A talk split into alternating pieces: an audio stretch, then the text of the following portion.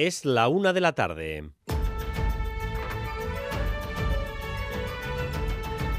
Crónica de Euskadi con Dani Álvarez. A León, el choque del polígono de Jundiz en Vitoria, donde dos chicos de 18 y 20 años murieron tras ser embestidos por un vehículo que iba a toda velocidad, no se produjo durante una carrera ilegal de las que se dan con cierta frecuencia en ese polígono. Al menos el coche donde estaban las víctimas no se encontraba en medio de una carrera y la policía cree que el otro tampoco lo estaba. De lo que no hay duda es de que iba muy por encima de la velocidad máxima permitida. Varios testigos han aportado ya su testimonio y la ciudad continúa en medio de la tristeza por esta noticia. Miquel Saez. Sí, mientras tanto la policía local continúa con la investigación para esclarecer lo ocurrido en la madrugada del sábado en Jundiz. Han comenzado a recoger hoy las grabaciones ubicadas en el entorno del accidente y varios testigos han prestado ya declaración. Estos testimonios pueden ser claves para la investigación. En cualquier caso, el concejal de seguridad, Iñaki Gurtubay, ha descartado que los dos vehículos implicados estuvieran compitiendo entre ellos en una carrera ilegal, aunque uno de ellos, un BMW, circulaba a gran velocidad. La Asociación de Empresas de Jundiz denuncia que estas carreras se producen desde hace 20 años y pide medidas para acabar con ellas, como por ejemplo la colocación de badenes en las calles. Desde el ayuntamiento sostienen que eso solo contribuiría a trasladar el problema a otras zonas de la ciudad.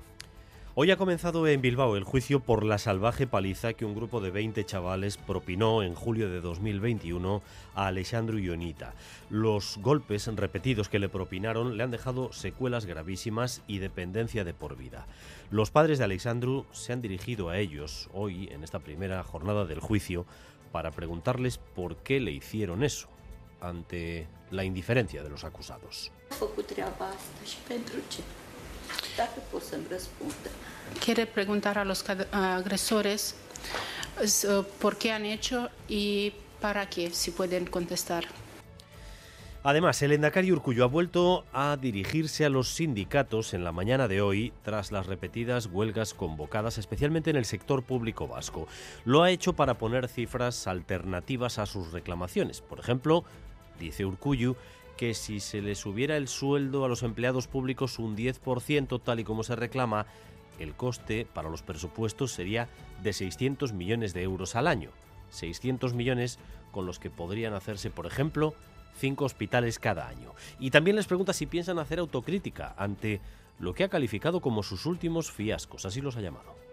¿Alguien ha hecho alguna consideración con respecto al fiasco de las huelgas convocadas en la administración pública a lo largo de este último año, por ejemplo. ¿Alguien ha asumido alguna responsabilidad del fiasco de lo que ha sido el seguimiento de la última huelga en la administración pública? No.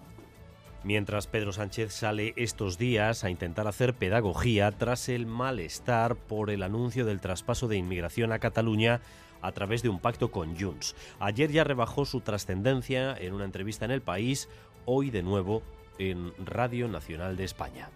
Yo escuché ayer al secretario general de Junts per Catalunya decir que no son un partido xenófobo, pero en todo caso, la política migratoria de España está bien definida por parte del gobierno de España. tenemos, una perspectiva, mm. tenemos una perspectiva completamente humanista.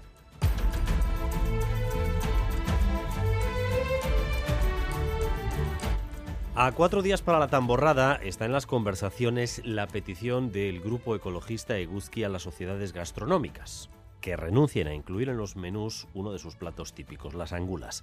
Además, varios cocineros de renombre han decidido en los últimos meses retirarlas de sus menús por la delicada situación de la especie. De momento, los que suelen comprar angulas parece que siguen comprando estos días y los anguleros aseguran que la situación de la especie no es tan crítica. Lo comentaba hace unos minutos aquí en Radio Euskadi Unai Aguirre, presidente de la Asociación de Anguleros del País Vasco. La realidad no es tan crítica. En el 2009 la tasa de repoblación era de 2,5 millones. Entre el 2010 y hasta el día de hoy la tasa de repoblación ha sido de 30 millones anuales. Y teniendo en cuenta que el ciclo de la vida es de 10 años, se empieza a notar la mejoría.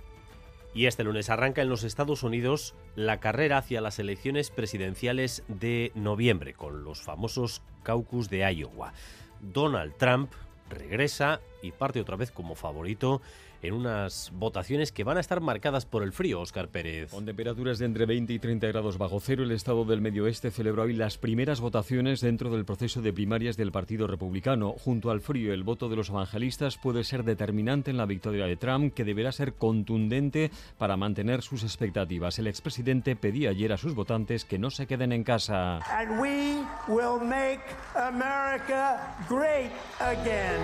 Para que hagamos América grande de nuevo, decía Trump, la lucha por el segundo puesto va a ser clave en estos caucus de Iowa, con Ron DeSantis perdiendo apoyos en cada encuesta y Nikki Haley subiendo como la espuma. Una distancia importante de la ex embajadora de la ONU puede ser decisiva.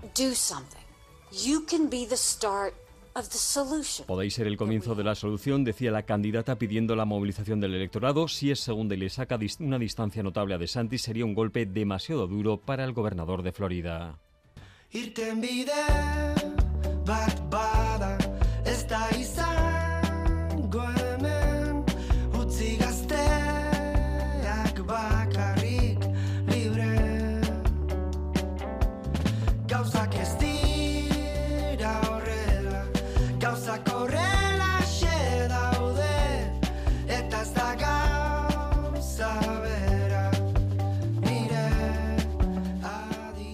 otra de las noticias del día. Esta medianoche, y sin previo aviso, se ha publicado en las plataformas digitales el nuevo trabajo de Gorka Urbizu. Así era Bat es el título de esta nueva colección de canciones que son el inicio de una nueva etapa para el que fuera el líder de Berry Charrac.